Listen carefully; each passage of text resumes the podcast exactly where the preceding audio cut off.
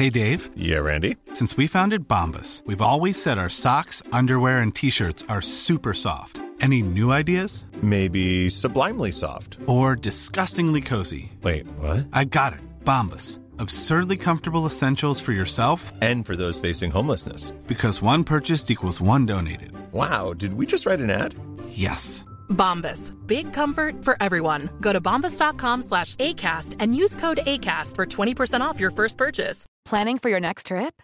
Elevate your travel style with Quince. Quince has all the jet setting essentials you'll want for your next getaway, like European linen, premium luggage options, buttery soft Italian leather bags, and so much more. And is all priced at 50 to 80% less than similar brands. Plus, Quince only works with factories that use safe and ethical manufacturing practices. Pack your bags with high-quality essentials you'll be wearing for vacations to come with Quince. Go to quince.com/pack for free shipping and 365-day returns. When you're ready to pop the question, the last thing you want to do is second guess the ring. At Bluenile.com, you can design a one of a kind ring with the ease and convenience of shopping online. Choose your diamond and setting. When you find the one, you'll get it delivered right to your door. Go to Bluenile.com and use promo code LISTEN to get $50 off your purchase of $500 or more. That's code LISTEN at Bluenile.com for $50 off your purchase. Bluenile.com code LISTEN. Michelle, Jag ser det... ah, Ja, nu avbröt vi varandra. Vad vill- Vad ska du säga? Vad ville Nej, du säga? Nej, nej du. You go Okej. ahead. Det här är Paparazzi. En podcast där vi går in på detaljer om kändiskvaller och populärkulturella nyheter. Ja, vi kommer prata om allt du vill veta och allt du inte ens visste att du ville veta om kändisar. Jag heter Max. Och jag heter Michelle. Ehm, jag har ett jättestort problem. Jag, eh, det är nämligen så att eh, min dator har gått sönder. Och den gick sönder på det sättet att jag hade ett löst E eh, på Mhm. tangentbordet och sen stängde jag datorn och då lyckades den liksom förstöra skärmen så att datorn startar men jag ser ingenting på Jag förstår skärmen. inte, jag förstår inte hur du, vad, vad du Jag vet. gör med dina teknikprylar. Nej. Som sagt, jag har kvar både mobil och dator från 2014. Ja fast hur såg din mobil ut ett tag? Jättebra. Det har inte varit några problem med Nej. mina. Just det, den gången då eh, skärmen liksom lossnade. Ja, Skärmen Ja. satt fast med sladdar på resten av mobilen. precis. Men den lagade jag och nu Ja. funkar den alldeles Mm. utmärkt. Ja, det är kul för dig. Eh, men det största problemet nu när jag inte kommer åt min dator är att jag har fyra Onlyfans subscriptions som drar pengar. Och Eh, jag ja. Kan inte logga in Men- på någon annan enhet. Varför kan inte det? För jag kan inte mitt lösen eller e-mail. Men Max. Det borde du ju kunna läsa. Så jag, just nu betalar jag jättemycket pengar till Onlyfans-kreatörer utan att jag kan ta del av innehållet. And this Det är, is... det är så sex positive of you. You Visst just want to support the movement. so, so progressive. Ja, så det, det, det är statusen på mitt liv. Hur är ditt liv? Mm, mm, mm, mm, mm, mm. Jag är irriterad för att jag skulle köpa vin och så tänkte jag att jag skulle köpa en sån liten flaska. Köpte ett eh, för 90 kronor. Jag tänkte oh, eh, budgetvin 90 kronor. Sen kom jag på efteråt när jag hade betalat att det, var, det här är ju ett dyrt vin. Jättedyrt. 90 kronor för en halv flaska. Det här är det dyraste vinet jag köpt. Ja, Så eh, det, jag sitter och är bitter över det. okej. Vad kul att du Fun tänkte att det var... fact. Nej, förlåt, vad kul att du tyckte att det var ett budgetvin att paya mer än vad vinflaskan normalt kostar när den är mindre. Nej men det är det som är poängen, jag glömde tänka. Ja men det. du höll väl i den och tänkte vad Jag höll i den är 90 kronor. Perfekt. Ehm, det är 90 kronor för en flaska vin. Det är en bra budgetvin. Och, mm, Sen kom jag på nu när jag skulle hälla upp. Det är ju en liten flaska ja, ja. för 90 kronor. För att Mm. jag insåg det att den hade en eh, kork. Istället för skruvkork. Alltså en riktig kork. Så jag bara, Mhm. oj, konstigt med en riktig kork för, på ett budgetvin. Ja, And then I did the math and I was like, oh, it's actually fancy wine. mm. Grown up wine. På tal om grown-up, är du en sån som Mm. pratar på bion? Gissa Max om jag är en sån som pratar på bion. 180% att du håller låda på bion. Antingen det eller att jag somnar eller att jag eh, sitter med mobilen. Mm. Vad har du varit under Sara Larssons biogate? Jag får panik av hela grejen! Det här är så mörkt. Kan, kan vuxna människor lämna våra TikToks i fred? Visst. Sara Larsson har på sistone, det känns som att hon har liksom kommit in i, liksom come in, into her own som eh, artist som också blir populär i USA. Jag märker att hennes TikToks, hennes tweets, she gets it, Mhm. hennes följare börjar förstå hennes jargong. Ja. Jag har älskat det, jag såg hennes TikTok. Skrattade. Som bara är så här, en kul grej. Det är Ja. sånt man lägger upp på TikTok, men gör det för att Exakt. underhålla. Och sen så blir det riktiga artiklar, opinionsmätare. På kultursidor. Om- alltså, who knew att bioetikett engagerade svenska folket så mycket? För när eh, man inte fick ta med sig godis in på bion längre. Just det, det Kommer du ihåg vilket ja, ramaskri? Ja, ja, ja, ja, ja, ja. Det var årets största samtalsämne. Det här är, det här är liksom vår heligaste eh, ämne. Det är typ eh, eh, vår... Eh, ja. Ja, Slut på den som, meningen. Det, det som jag slåss av, eh, un, både Godisgate och det här, ehm, går folk fortfarande på bio? Jag är så confused att folk är så här passionerat investerade i biobesök. ja, men det gör ju de människor. Det är ju väl fortfarande en aktivitet, bara för att du Mm. inte gör det Max. Världen kretsar inte kring dig. Eh, jo. det, det är liksom inte eh, bara streaming-serier som eh, sänds. Okej. Allt jag säger är tråkigt. Alltså jag har inte sagt någonting roligt i hela mitt liv. Jag, bara, jag tror att jag ska ha en punchline och sen så bara blir det inget. Jag tyckte Det, det, var som en jättebra. scen i, det är en scen någonstans ifrån. Ja, fast nu, nu blir det ju Ehm, samma igen, att du försöker hitta en punchline så hittar du inte den. Vad är det jag tänker på? Ja, det finns en scen i en film eller serie där de ska dissa någon. Och Fleabag är det. Ah. Fleabag. Då, och hon har en rant och det är en så bra diss och sen avslutar hon sista meningen. För hon fick inte till det där sista ordet och hela hennes rant faller platt. Så är jag. Välkommen till veckans avsnitt av Paparazzi.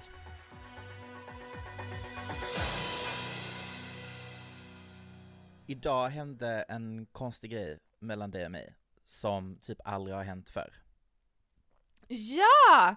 Vi brukar ju aldrig checka in med varandra Nej. innan angående ämnen. Vilket utan är lite vi kul. smsar Lite några wildcard. timmar innan så här, vad ska du prata om? Och det är otroligt för att vi har bra koll på vad du, liksom varandras ämnen, Ja. vi kompletterar varandra. Den här gången hade vi exakt på pricken samma saker. Men jag är också extremt oförberedd, så det gör mig bara glad att eh, du, du, tar, du tar det här avsnittet, Ja, Max. ja. Då jag, jag I buckle up så att säga, tar på mig mina kängor. För Ja.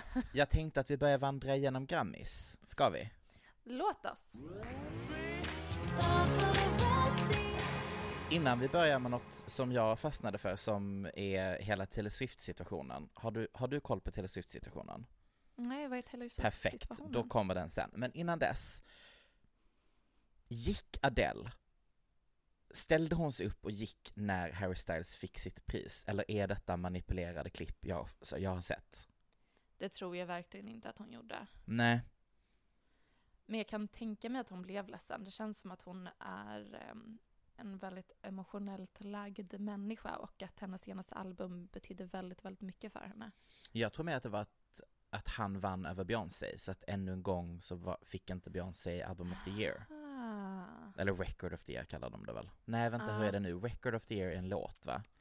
Nej, det är Song of the Year. Det är tack. Och sen finns det Album of the Year. Den som vann Song of the Year var Bonnie Raitt. Ja, ehm, det är så fucking roligt. En folksångsartist som ingen har hört talas om som plockar hem den. Jag tyckte kul. det var kul. Jag tyckte det var kul. Keeps it interesting. Ja, ja, Men ja. sen så är det då Album of the Year som är Just det det. största, creddigaste priset och um, Beyoncé har varit nominerad nästan varje gång hon har släppt ett nytt album tror jag, men har aldrig vunnit den. Nej. Och hon är ju nu den person eller den artist som har vunnit flest antal Grammys och det är välförtjänt och otroligt men hon har fortfarande inte vunnit Album of the Year och många blir irriterade typ, ja de ger henne massa så här Mm. nonsenspriser, små genrer. Men när det faktiskt kommer till den, de stora priserna så ger de, de inte henne det hon förtjänar, vilket Nej. jag kan väl hålla med om till viss, en viss grad, men det är också lite så... mm, Men eh, såg du när eh, hon vann, eh, var det typ dance track eller någonting? mm, Ja, såg du vad Diplo sa? nej. Han vänder sig om och säger till personen som sitter bredvid, She bought that. El Mao. Och det tyckte jag var kul, för det fick mig att komma ihåg en intervju med Miley Cyrus för typ några år sedan. Eh, där de också pratade om så här hur, hur viktigt är Grammis för dig och liksom eh, vad är din inställning till det? Och då svarar hon bara, ni vet om att man köper dem. Mm. And I think that's, Ehm, Interesting. Ja, men också mm, Charlie XCX skrev ju också någonting om att det är en skam att hon inte blev nominerad för någonting eller inte Mm. vann någonting för hennes senaste album. Och så svarade Grimes att hon hade suttit med i juryn ja, för Grammys. Och att det var, alltså de fick, de fick typ inte rösta på vad de ville och mm, de fick det, inte det var väldigt nominera, det var en förbestämd nomineringslista, och vilket eh, liksom defeats Och hon bara, sen dess har jag bara tyckt att det är bullshit. Så jag, jag, jag har inte hört talas om hela grejen med att de köper priser, men det förvånar mig inte alls. Alltså det där är ju också, he- hela grejen med att folk vinner priser för Ja, de Kreativitet, sakerna, film, mm. och det är ju konstigt, men det är också Mm. kul att Ja. få se en sån gala. Eh, men vad var det, vad är Taylor Swift? jo alltså Gate? så här. Ehm, har du kommit över TikTok-kontot It's Just Ashley 13? Mm-mm.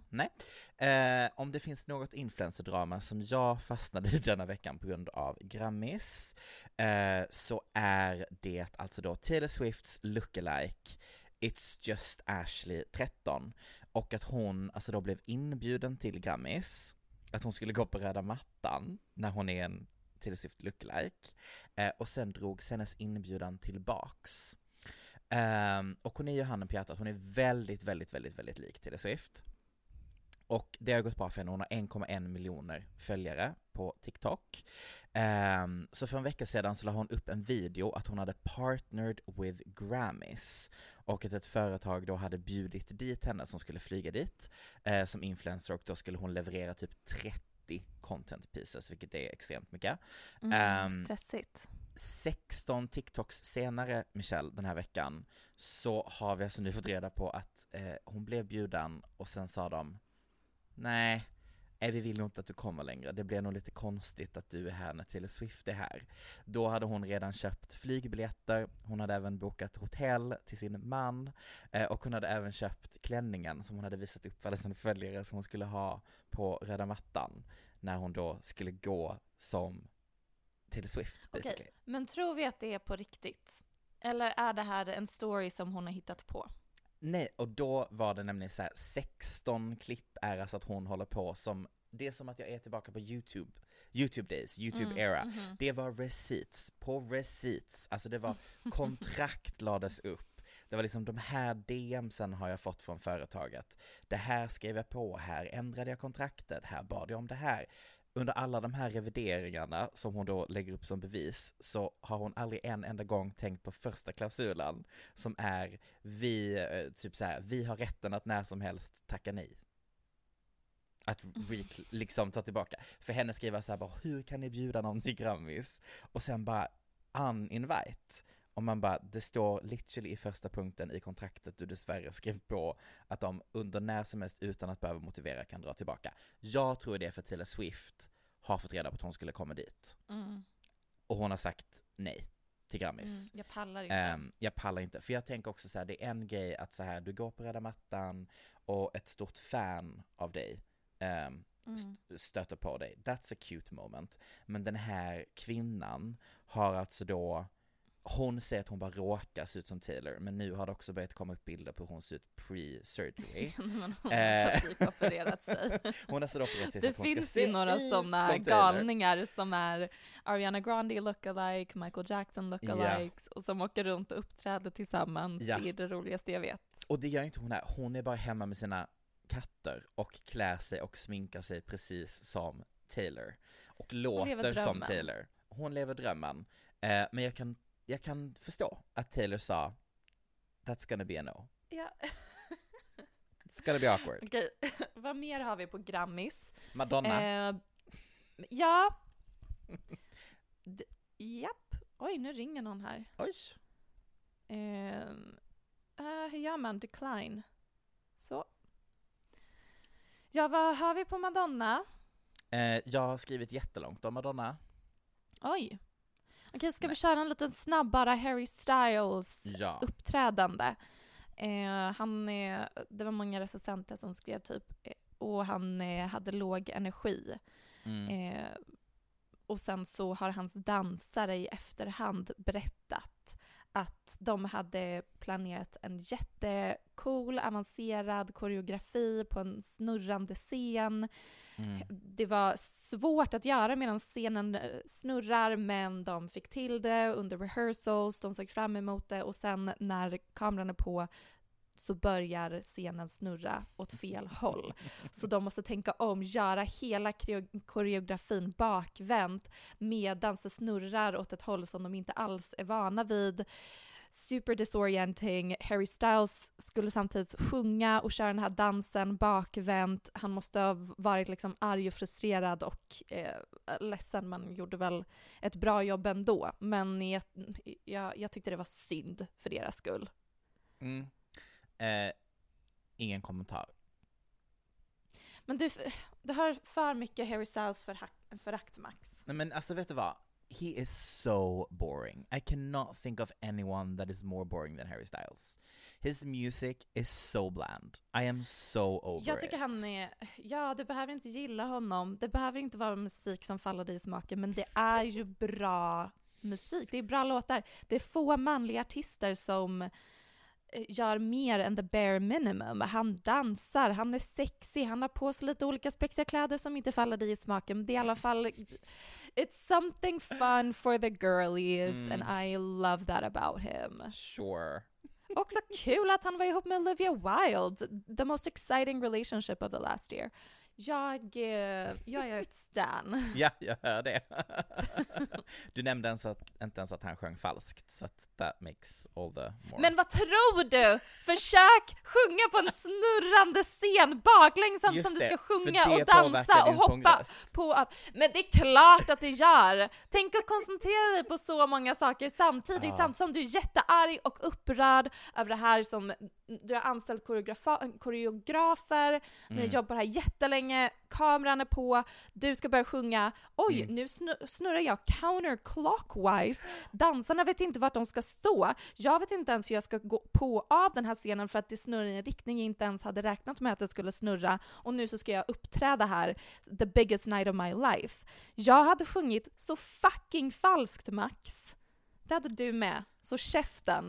Tänker- Next segment! Jag tänker, för att citera Harry Styles, det händer väldigt sällan personer som mig. Ja, det var klumpigt. Han borde inte öppna munnen så mycket mer Nej, än när han sjunger. Då, vi har ju mannen som även när han skulle beskriva Don't worry darling sa I love it because it feels like a movie. Mm. Jättebra citat. Och även nu när han tar emot priset för, var det Album of the Year? Ja. Det var det va? Mm. Eh, it doesn't happen to people like Me. me, very often. Och folk bara um, you're Pretty sure it white does. straight man, it's like the, the it literally does. Eller jag, jag undrar verkligen vad han menar. Jag tror att han tänkte så här, jag är bara en vanlig kille från en liten stad med stora drömmar och nu står jag Ja. här. Och det förstår jag. I am giving him the benefit of the doubt. And you know what? Don't worry darling was like a movie. That was definitely like a movie. So he's not Spot wrong. on. Men ger du Madonna lika mycket benefit of the doubt, eller vad? Jag har inte sett så mycket från Madonna på Grammis mer än hennes ansikte som är som vanligt intressant. Ja, alltså jag, eh, gud jag har skrivit så mycket om detta men jag pallar inte, så att jag tänker bara att jag bara pratar lite. Ja, men kör, kör, kör, kör. Nej men man kan tro att jag ska vara misogyn och prata skit om Madonna, men det ska jag inte. Eh, även om jag nu ska spendera eh, ett A4 om att prata om en kvinnas utseende. Eh, men det känns som att man måste bara touch real quick på kaoset som har varit internet efter att Madonna, alltså då, i typ någon minut existerade på Grammis. Hon skulle liksom dela ut ett pris, that was Mm. it. Sen skulle hon tacka för sig. Och det räckte tydligen för att internet skulle må piss och hata henne. Jag personligen älskar ju den här eran hon är inne i nu. Det är vulgärt, det är gränslöst, hon är literally authentic herself, minus ansikte, röv och lite annat. Men hur hon liksom för sig och tar plats, it's giving very much Madonna 80s. Älskar. Ehm, tyckte jag att hennes tour announcement var 50% cringe, 50% otroligt? Ja, det gjorde jag. Mådde det är dåligt. då en video på um, när Amy Schumer, Och några typ andra. Lil Wayne och några andra sitter runt Diplo. ett bord. Ja, Diplo var med. Han är överallt. That man is everywhere. Jag, undrar verkligen vem det var som samlade det här gänget människor. Det är också en tjej som jag inte kommer ihåg, men hon är typ eh, komiker, eh, TikTokare. TikTok, Ja.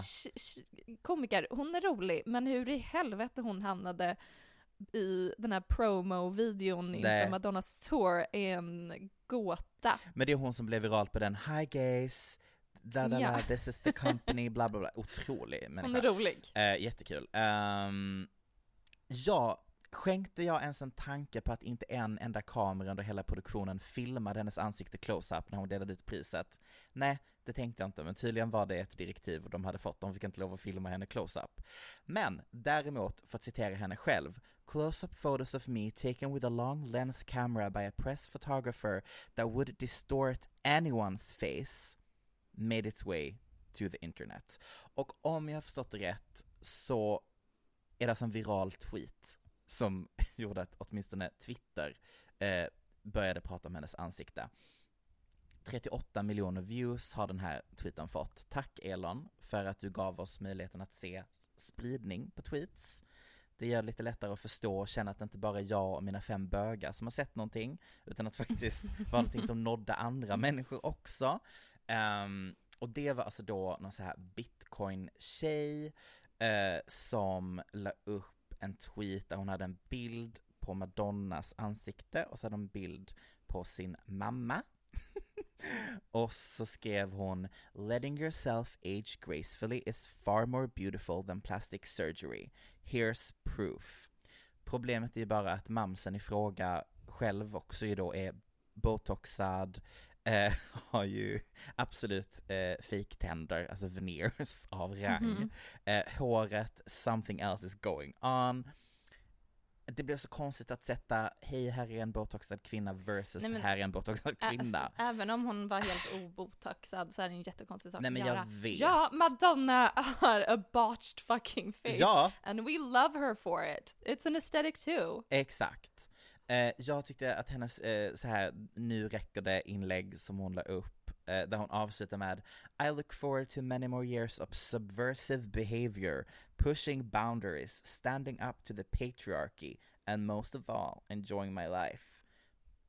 Nästan så att jag vill ta- tatuera in det på mina revben. Ja, det, var, det var kanske inte så revolutionerande Nej, sagt. det, exakt, men- det är det. Hon, alltså, it's like, you know, vi vet, patriarchy, ingen får lov att åldras. Men, och då vill jag också bara flika in, för då tänkte jag, tycker jag att det är lite obekvämt när hon hånglar, tungbrottas på videoklipp med unga män eh, på Instagram, tycker jag det är jobbigt för att det är en kvinna, eller för att det är åldern?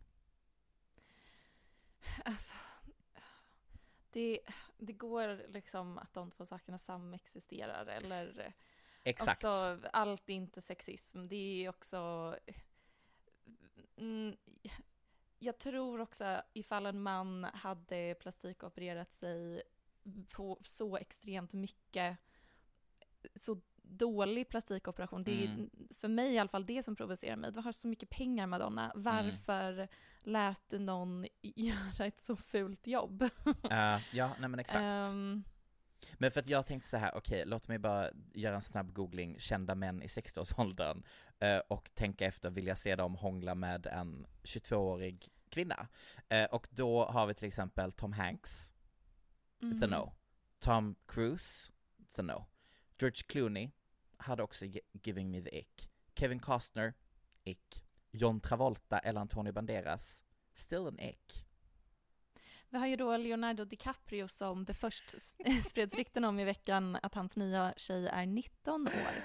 Mm. Is that an ick? Is that a yay or a nay? Så that's gonna be an ick, och speciellt när det här videoklippet kom upp när han typ klubbade och dansade och rör Jag sig. tyckte det var lite sexigt. Så, va? Jag tycker Leonardo DiCaprios dansstil som en liksom 17-åring som Lås in precis har upptäckt hiphop. Lås in dig själv. Men Mm. eh, hans team har dementerat att han inte är ihop med den här 19-åringen. Så vem som har spridit det här ryktet kan man undra. Det kan man Är det verkligen någon undra. på hennes team? Är det någon som anordnade eventet som de var på? Kanske, Just det, vill som vill ha lite spridning. Who knows? Who knows? Eller så stämmer det. De ville bara inte att folk skulle veta att han ligger med 19-åringar. Jag, det är någon som har ringt mig fem gånger medan du har pratat. Så jag Vet ska bara ta det Vi, samtalet. vi, vi ses snart. Hej hej. En, en liten paus. Hej hej. This doesn't happen to people like me very often, and this is so, so nice. Thank you very, very much.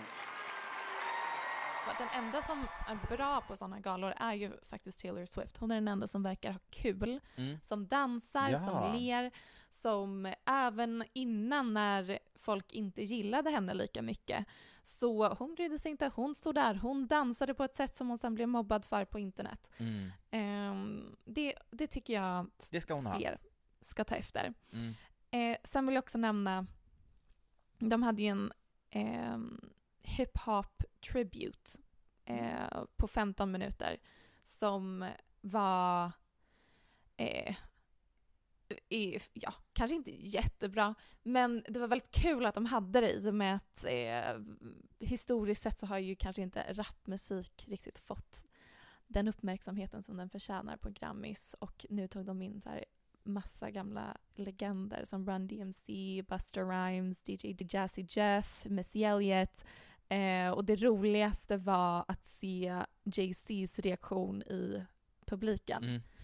Eh, ja, där, det är så motsatsen från Ben Affleck, han var så lycklig. Mm. Eh, han, han borde ju också ha varit på scenen, han var ju liksom en del av den generationen som skapade rapmusiken och det det är idag. Eh, och man bara såg nostalgin i hans ögon. Jag vill också lyfta en sak Mm. som jag tänkte på när jag såg den tributen, som jag också vill säga, det är så fruktansvärt att vi kan ju liksom inte se de här uppträdandena. Varje år så sitter jag och sopar internet rent, letar, hittar någon Twittertråd där någon har spelat in uppträdandena från Grammys. Man kan se några enstaka, men vi i Sverige har väldigt, vi har inte riktigt tillgång till alla Grammy-uppträdanden. Du vet om att HBO Max sände allting i år? Vad säger du nu Max? HBO Max sände allt i år. Live? Ja. Eller kan man se det i efterhand? Jag tror man kan se i efterhand också. Och det säger du nu. Ja. Men varför när jag googlade på det så kommer det inte upp? Jag blir jättearg. Jag, nu har jag kollat på jättesuddig Twitter screen save på Mm. när eh, Bad Bunny uppträder. Det var också ett väldigt bra uppträdande. Har du sett hans före och efterbild att han har fixat sin käklinje? Nej, nej. Alltså hans ansikte är köpt, han har inte det ansiktet egentligen. Gud vad, det har även Incredible! eh, Michael B Jordan Jr. Nej, vad heter han? Alltså inte atleten utan skådisen som var ihop med eh, Lauren eh, upp med Lori, Lori Harvey. Mm. Eh, han har ju också opererat om hela sin käke och, och eh, haka. Inspirerande kan jag säga. Väldigt inspirerande. Jo, men det jag tänkte på under den här hiphop-tributen, för då var Salt and Peppa och Queen Latifah med, eh, som eh, det var liksom de som var de första generationen, eller egentligen de första kvinnliga rapparna överlag. Eh, och hur ska jag säga det här utan att låta töntig? Eh,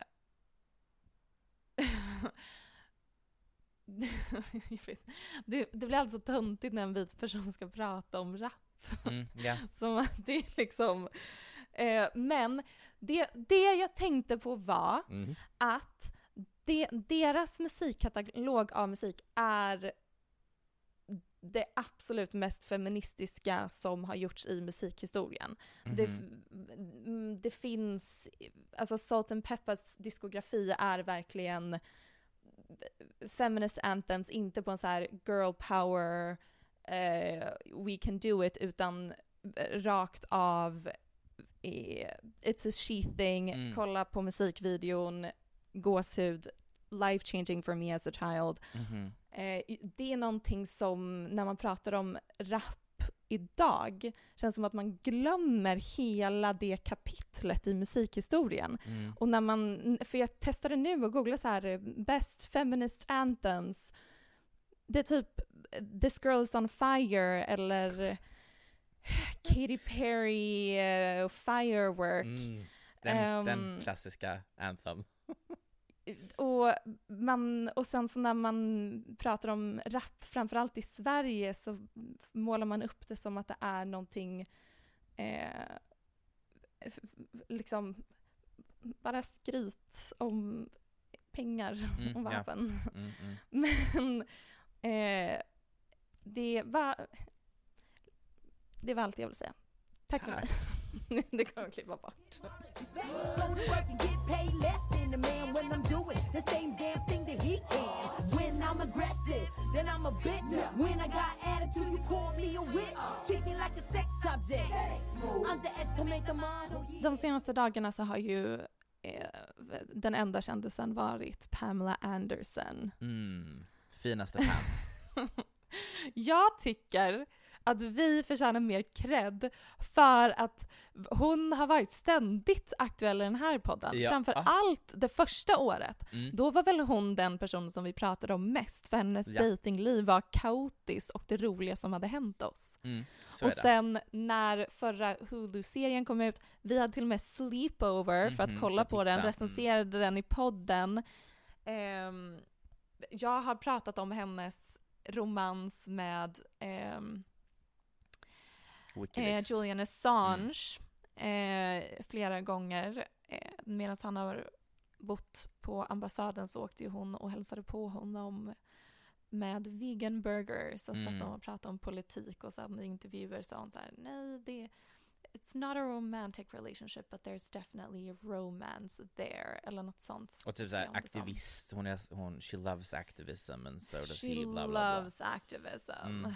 Ehm, och sen när jag såg hennes senaste eh, Netflix-avsnitt komma ut och även hennes självbiografi I went off on Instagram. Ja, Alltså, jag vet inte varför. jag bara såhär, tittade vi, såg vi samma dokumentär kände jag när jag läste dina jag hade inte sett dokumentären än Max, men jag hade läst utdrag ur hennes Ah. självbiografi. Ja, Och så såg jag folks reaktion på det här avsnittet på Netflix. mm. Och alla bara wow, she's amazing, she's the most perfect person, Mm. national treasure. Och jag bara, men herregud, vad är det här för konstig, eh, bara personlig PR-kampanj? Mm. Ja, hon är fantastisk, men hade ni med det här, det här och det här? Mm. Ehm, och sen så kollade jag på avsnittet på Netflix och förstod väl vad folk menade. Ångrade lite att jag blev så provocerad av folks kärlek. Ja, För grejen är att jag älskar henne också. Jag tycker hon är fantastisk. Och ehm, önskar henne allt gott mm. i livet och världen. Men i och med att jag har varit så investerad i hennes liv de senaste åren, följt henne på Instagram och Twitter, sett hennes himla ehm, hashtag men too och försvar Eh, hon försvarar Julian Assange, eh, att han, eh, de här våldtäktsanklagarna, eh, anklagelserna eh, fr från eh, svenska kvinnor som då är anledningen till varför han har behövt bo på en ambassad. Eh, och jag förstår att hon, det hon har fått höra från det är ju hans version medan det jag har fått höra från det är de, till exempel P3 har en väldigt bra dokumentär på det som hände här i Sverige. Och sen att se hennes, hon försvarar honom i mitt Twitterflöde flera veckor i rad, även när hon uttalade sig om metoo-rörelsen, hon, det här citat, it was common knowledge that certain producers or certain people in Hollywood are people to avoid privately. You know what you're getting into if you're going into a hotel room alone. My mother would tell me, and I think this is the kind of feminism I grew up with, it takes two to tango. Vilket är alltså så victim blaming uttalanden. Hon har i efterhand bett om ursäkt för det här och sagt det där är en horrible thing to say. Mm. Hon be beskriver ju själv i sin självbiografi och eh, avsnittet att hon har ju själv varit utsatt för våldtäkter och eh, Mm. Eh, sexuella övergrepp. Eh, och hon är ju liksom formad av världen som hon har levt i de senaste åren, vilket har varit en helt galen värld. Mm, precis. Ehm, så ehm, jag, jag tar väl tillbaka allting jag sagt om henne. Men det jag tycker är lite synd är ehm, ju att de inte tog upp hennes relation till John Peters. Är det den, nej det är inte den senaste. Nej, det är den näst senaste. Just det. Eh, hon förlovade, eller hon gifte sig med den 77-åriga producenten John Peters Mm. 2020, precis innan pandemin. De var gifta i 12 dagar. Otroligt, otroligt giftermål. Sen eh, pappersarbetet, allt det han, de inte ens lämnar in. Eh, det de däremot hann var att han betalade av alla hennes skulder. Mm. Och i en intervju med Page Six så säger han “Needless to say that when she texted me that she wanted to get married, obs, han var redan förlovad med någon annan Mm. och de skulle bli sambos.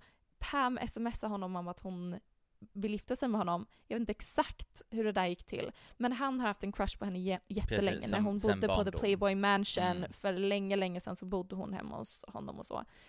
Um, so when she texted me that she wanted to get married, it was kind of a dream come true, even though I was engaged to someone else and the lady was moving in. I dropped everything for Pam. She had almost $200,000 in bills and no way to pay it, so I paid it, and this is the thanks I get. There's no fool like an old fool. Mm. Fantastiskt. Honestly, um, as she should.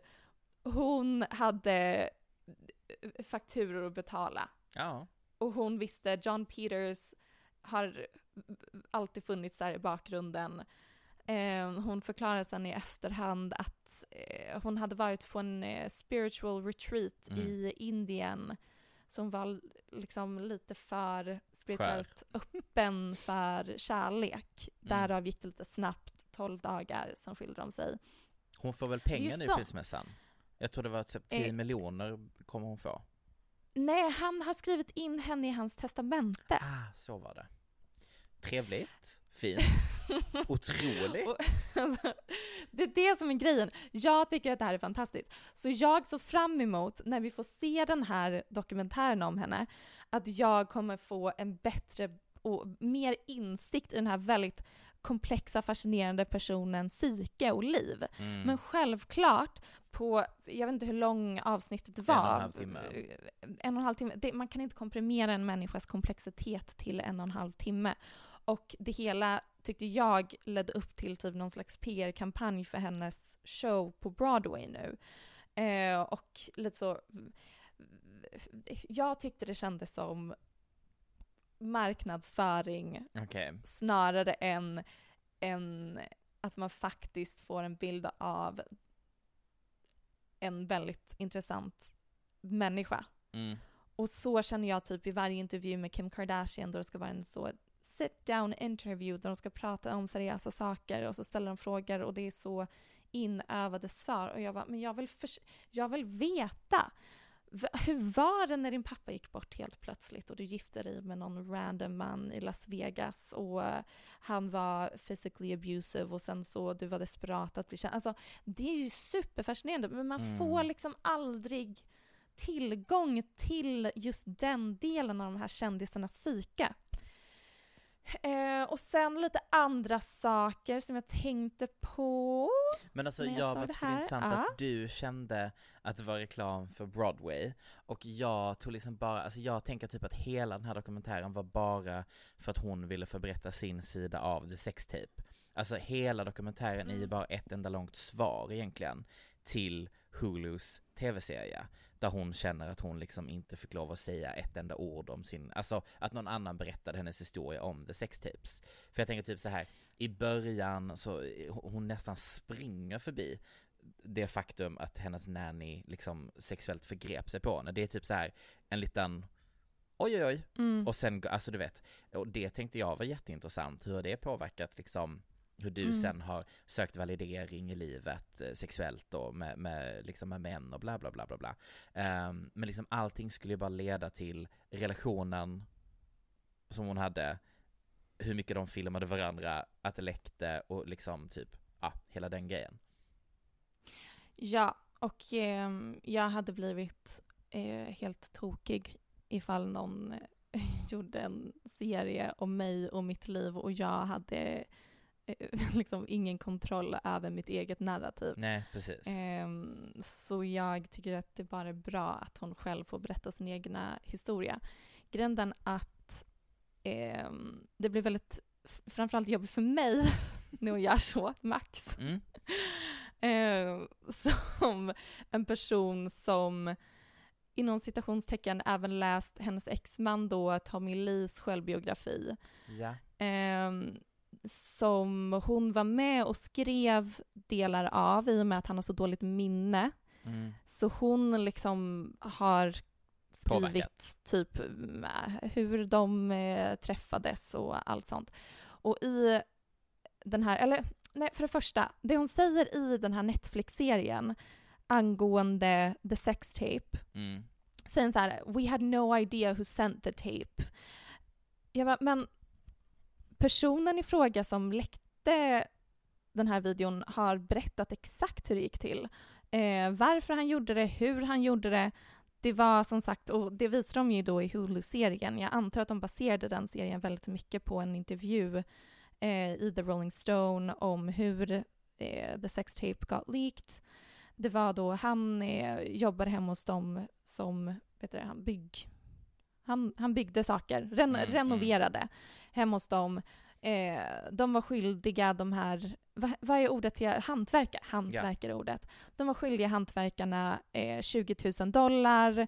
Eh, Tommy Lee och Pamela Anderson ville inte betala de pengarna när de kom tillbaka. Hantverkarna kom tillbaka hem till dem eh, för att samla ihop deras grejer så stod Tommy Lee där med en pistol riktad mot hantverkarna och sa “Get the fuck out of my property”.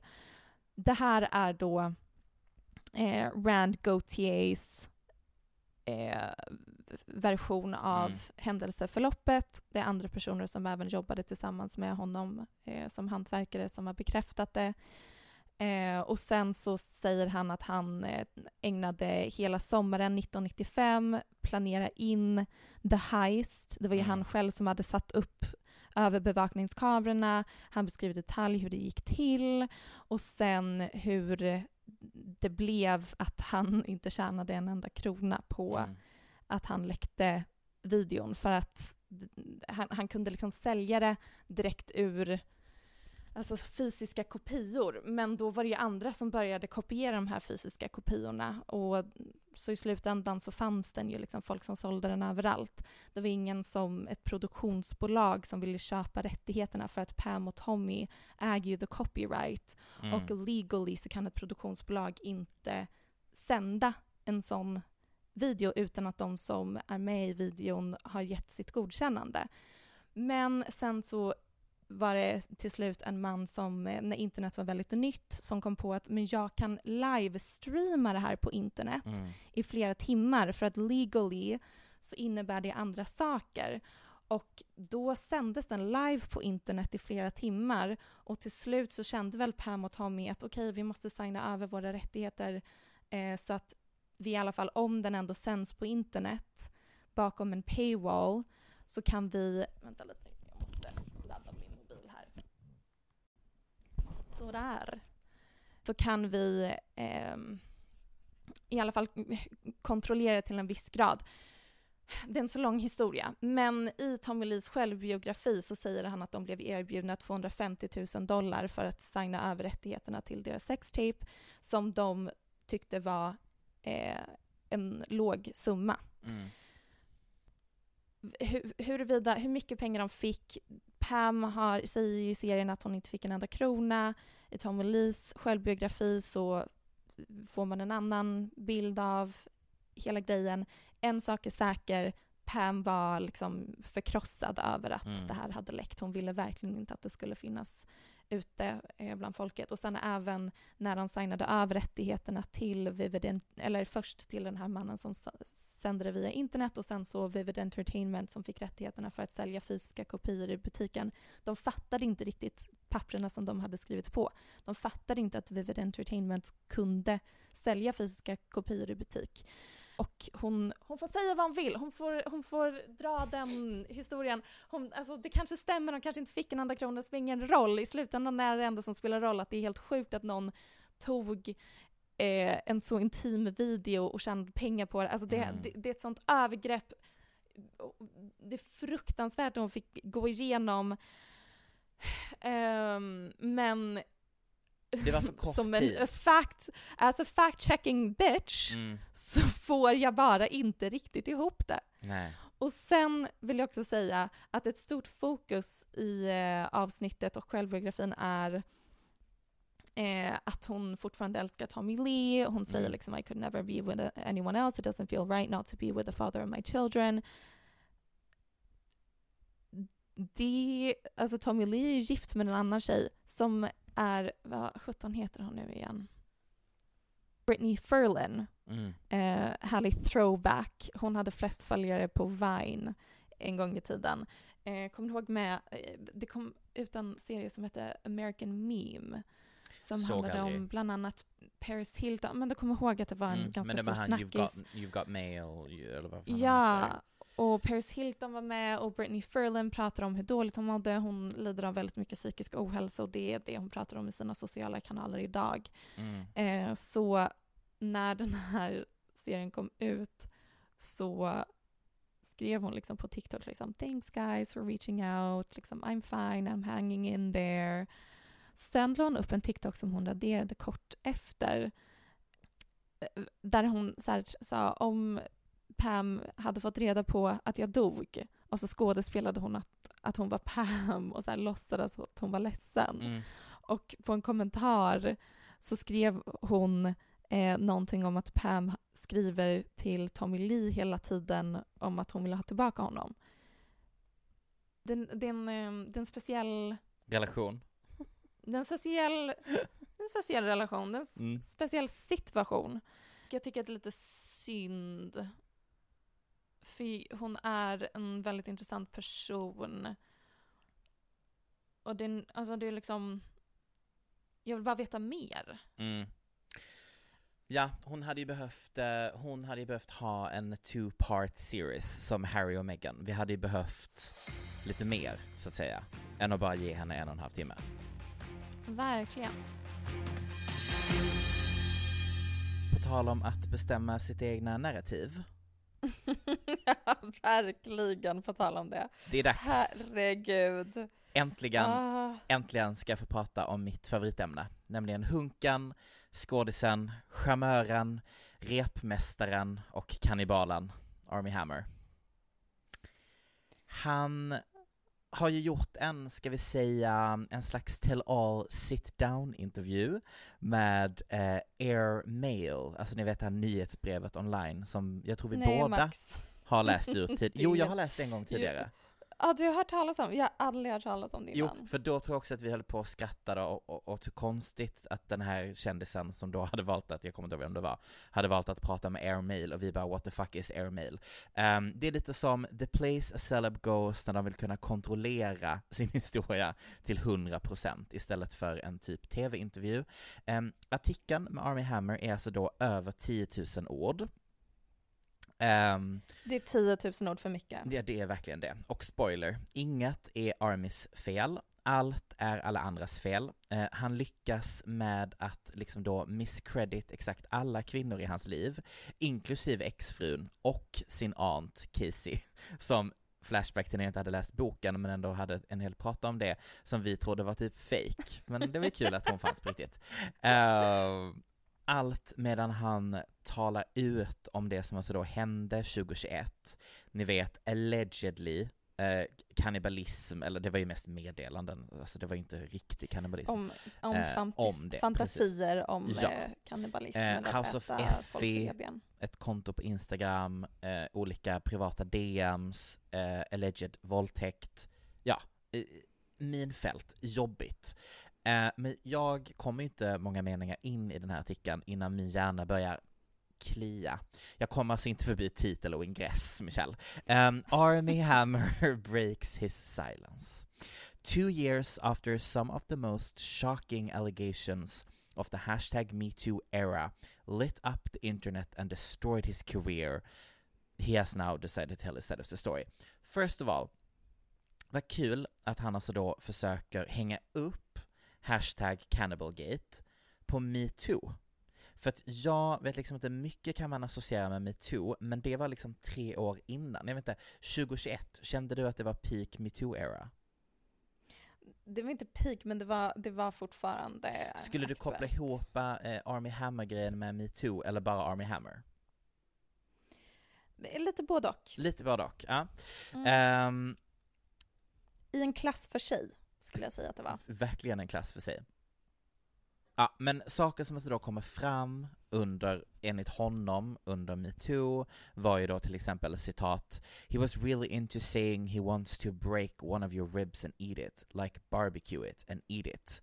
Och ett annat citat Hammer had carved the letter A near her vagina with a knife, licked the wound, proposed to consume her and told her that he wanted to eat one of her ribs. Det var så två olika kvinnor där, eh, allegedly. Tonaliteten i alla fall i de här 10 000 orden är ju uppenbar. Det beskrivs och radas upp som att en lavin av elakheter bara råkade hända den här stackars, stackars mannen. Eh, och det bara finns ett enda offer i allt. Det är Army. Eh, därför att long story short, 30 minuter tar det att läsa hela om ni vill ge er på det. Um, Army är så då lite speciell när det gäller det sexuella eftersom att han blev sexuellt utnyttjad av en präst som 13-åring, vilket enligt honom då introducerade honom till sexualitet på ett sätt där han inte var i kontroll. Så därför blev hans sexuella intressen eh, att ta kontroll.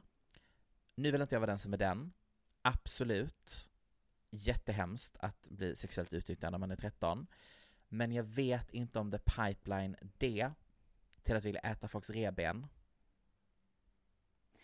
Nej, men just när det kommer till det, och nu i och med att det har varit så många gräv om hans familj och hela hans släkt om hur galen den är, så Mm. kan man ändå förstå att, eh, att det blev som det blev. Och jag kan tänka mig att han har varit utsatt för ganska många sjuka situationer under hans barndom som eh, har liksom påverkat honom. Mm, absolut.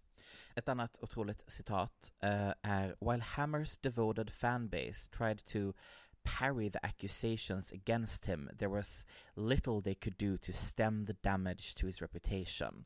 Och då vill jag bara undra, vem är hans fanbase? Är det bögarna? För att jag, I'm very confused. I did not know att Army Hammer hade a big fanbase som var ute och vevade i allt detta. Jo men en Eh, liten tror jag, en liten väldigt eh, liten. skev fanbase. Ehm, jag tyckte även om eh, en av alla många bortförklaringar som sker i artikeln, hur han kom i kontakt med Effie. Eh, in October 2016, Hammer received a Facebook message from a young Bulgarian woman named Effie asking him to endorse a charity supporting children with special needs. Inom parentes, Hammer has an autistic cousin. Ja, men det är dock sant. Ja, ja, jo, att det jo, var därför hon tog kontakt med honom. tycker fortfarande att det är väldigt kul. Hela artikeln fortsätter, han återberättar basically hela tidslinjen för oss. Eh, men hur det gick till enligt honom. Journalisten kör på i 100 eh, och det, det är verkligen så här. Effie sa detta, men det ljög Effie om därför att Army var opererad och jag pratade med en läkare och den läkaren sa bla bla bla bla bla.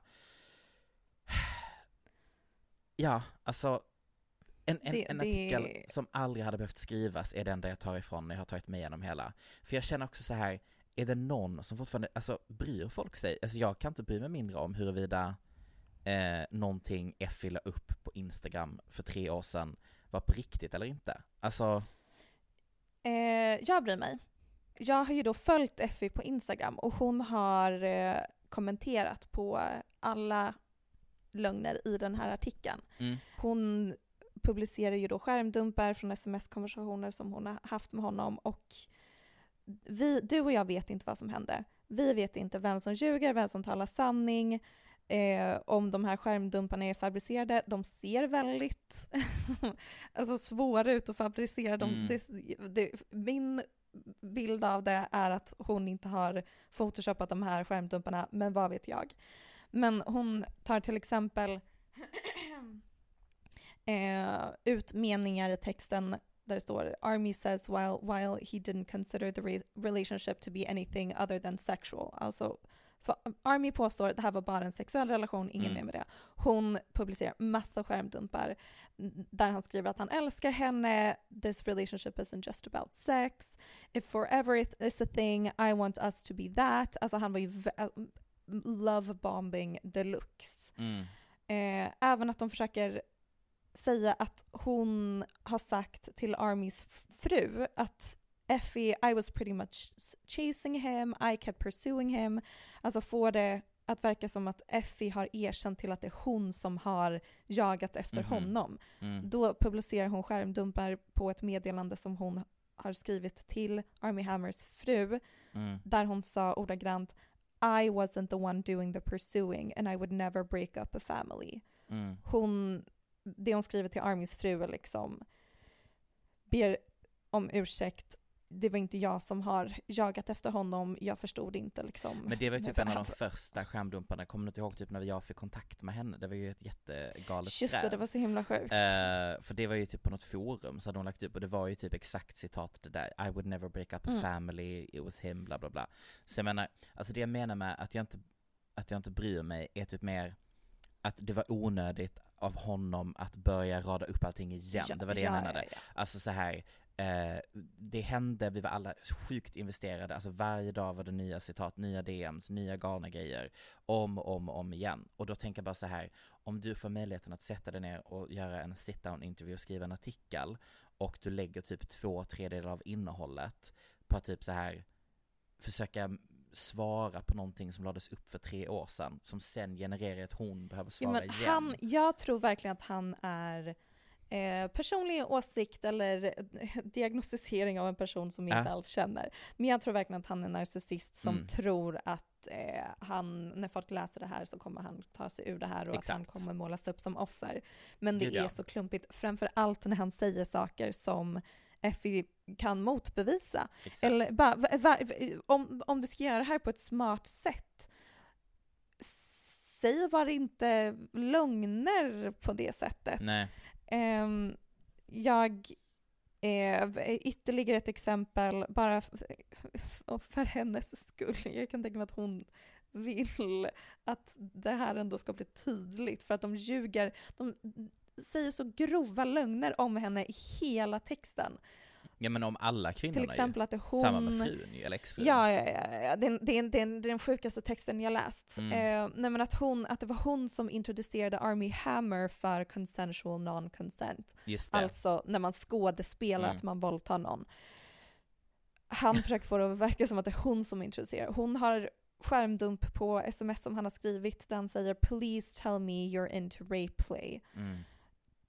Eh, även att de försöker få det att verka som att det är hon som har pressured program som The Late Late Show att ta bort allt innehåll Mm. där Army Hammer är med. De verkligen målar upp henne som en galen kvinna som har skrivit till massa kanaler och bara ni borde ta ner det här innehållet på eh, alleged rapists. Hon bara "Nej, allt jag gjorde var att sa tack när de väl plockade ner det här innehållet. Hela den här texten är verkligen bara en smutskastning av Ja, ja, ja. henne, vilket bara, men, Nej, men du har blivit typ- anklagad för någonting så grovt. Ja. Om du ska ta dig ur det här tror jag inte Det här- taktiken the är att bara anklaga henne för att Nej. vara en galning. Nej men det var också typ så här mot slutet av artikeln när det är typ så här eh, ja men exfrun eh, hörde bara av sig till Effie och började röra, röra in sig och typ så här skicka eh, hemliga saker från en kompis e-mail för att hon ville få vårdnaden om barnen. Man bara, Ja, mm, ja. fräscht. Vad vad bra, det där, det kommer verkligen falla ut i din favor, eh, Army, absolut. Ehm, men du kanske tänker, vem, vem, vem, vem var det som kunde tänkas skriva den här artikeln? Jag eh, googlade snabbt, Mm. eh, det är en bög. Aha, är det han som är författaren? Ja, James Kershik Ja, ja, ja. eh, är alltså då en konservativ eh, bög. Eh, så jag är, inte, jag är liksom inte förvånad att en hel artikel som är så extremt misogyn, som bara svartmålar alla kvinnor och som höjer Army Hammer till skyarna, och skriver om en konservativ bög. Men också till råga på det, Max, Mm. vet du vem den här, den här fantastiska tidningen Airmail ägs av? Eh, ex Vanity Fair editor. Japp, eh, och det var ju då Vanity Fair som vägrade publicera texten om Epstein då de hade det här scoopet om att Epstein har eh, våldtagit minderåriga. Mm. Det var en reporter, hon, hon hade pratat med de här tjejerna, hon var redo att publicera det. Då eh, dåvarande editor-in-chief av Vanity Fair hade möte med Epstein, gick ut därifrån och bara eh, nej men vi ska nog inte faktiskt eh, publicera den här artikeln om Ep- Epstein. Så eh, han, han gav inte en plattform till Epsteins offer, men han ger däremot en plattform till Army Hammer. Mm. Rimligt.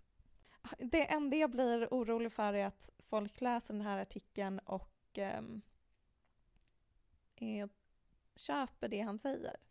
Ja, alltså jag kom över en TikTok från någon sån PR-kvinna som bara såhär breaking down what this, like what it, what's the framing, what's the crisis communication. Eh, och det var ju verkligen bara typ såhär victim, unfair attack och att han eh, en person som var van vid att ta kontroll, tappade kontrollen och nu vill han ha tillbaka den. Mm.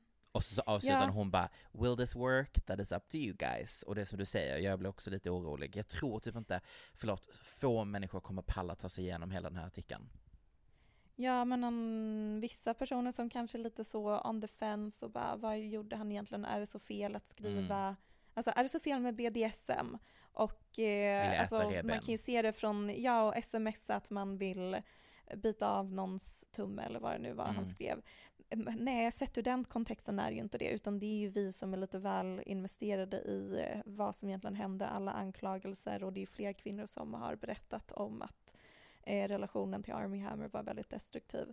Mm. Eh, och att om man sen läser Armys väldigt, väldigt vinklade text utifrån det perspektivet kan jag tänka mig att man blir lite mer så här, ja men han, det var ändå orättvist Mm. det han blev utsatt för. Han säger också, alltså han är galen. Eh, Allegedly. citat från texten. Eh, nej, galen är min personliga åsikt. Ja, ja. Um, han säger, what I would say is this. There's examples of people who went through really difficult times and experienced what the author Joseph Campbell would call the hero's death. And the hero must die so the hero can be reborn again. Mm. Beskrev han sig själv som en hjälte Mm. och Ja. att han måste dö för att bli Ja. reborn. Och det här är hans attempt to be reborn. Spritt språngande, spritt språngande. Nästa gång vi spelar in Ja, så kommer Rihanna ha gjort sitt Super Bowl Mm. Jag otroligt spännande. kommer bli så ledsen om det är dåligt. Jag kommer också en del av mig är inställd på att vi kommer inte få någon musik, alltså ny musik. Mm. Eh, det kommer inte komma något album, alltså like nothing is gonna happen. She's gonna, hon kommer komma dit, collect the bag, tacka för sig, and that's it. Jag tror att det kommer vara en jättesnygg produktion Det tror jag också. med hennes otroliga koreograf Paris Goebel eller vad han heter. Um, tight, snyggt, Mm. men liksom inte den Rihanna vi saknar. Nej.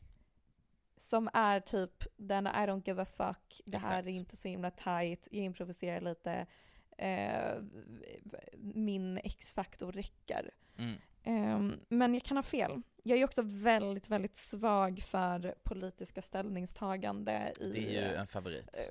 eh, i mm, såna, den typen av eh, framträdanden, framförallt så politiska sammanhang som The Mm. Super Bowl ändå är.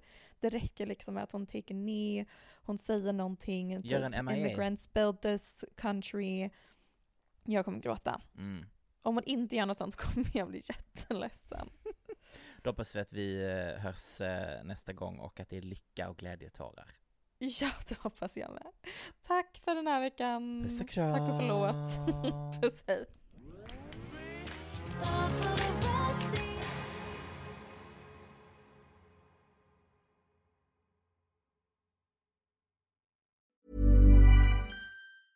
Mom deserves the best, and there's no better place to shop for Mother's Day than Whole Foods Market. They're your destination for unbeatable savings, from premium gifts to show-stopping flowers and irresistible desserts. Start by saving 33% with Prime on all body care and candles. Then get a 15-stem bunch of tulips for just $9.99 each with Prime. Round out Mom's menu with festive rosé, irresistible berry chantilly cake, and more special treats. Come celebrate Mother's Day at Whole Foods Market. Imagine the softest sheets you've ever felt. Now imagine them getting even softer over time. That's what you'll feel with Bowl and Branch's organic cotton sheets. In a recent customer survey, 96% replied that Bowl and Branch sheets get softer with every wash. Start getting your best night's sleep in these sheets that get softer and softer for years to come. Try their sheets with a 30-night guarantee. Plus, get 15% off your first order at bowlandbranch.com. Code BUTTERY. Exclusions apply. See site for details.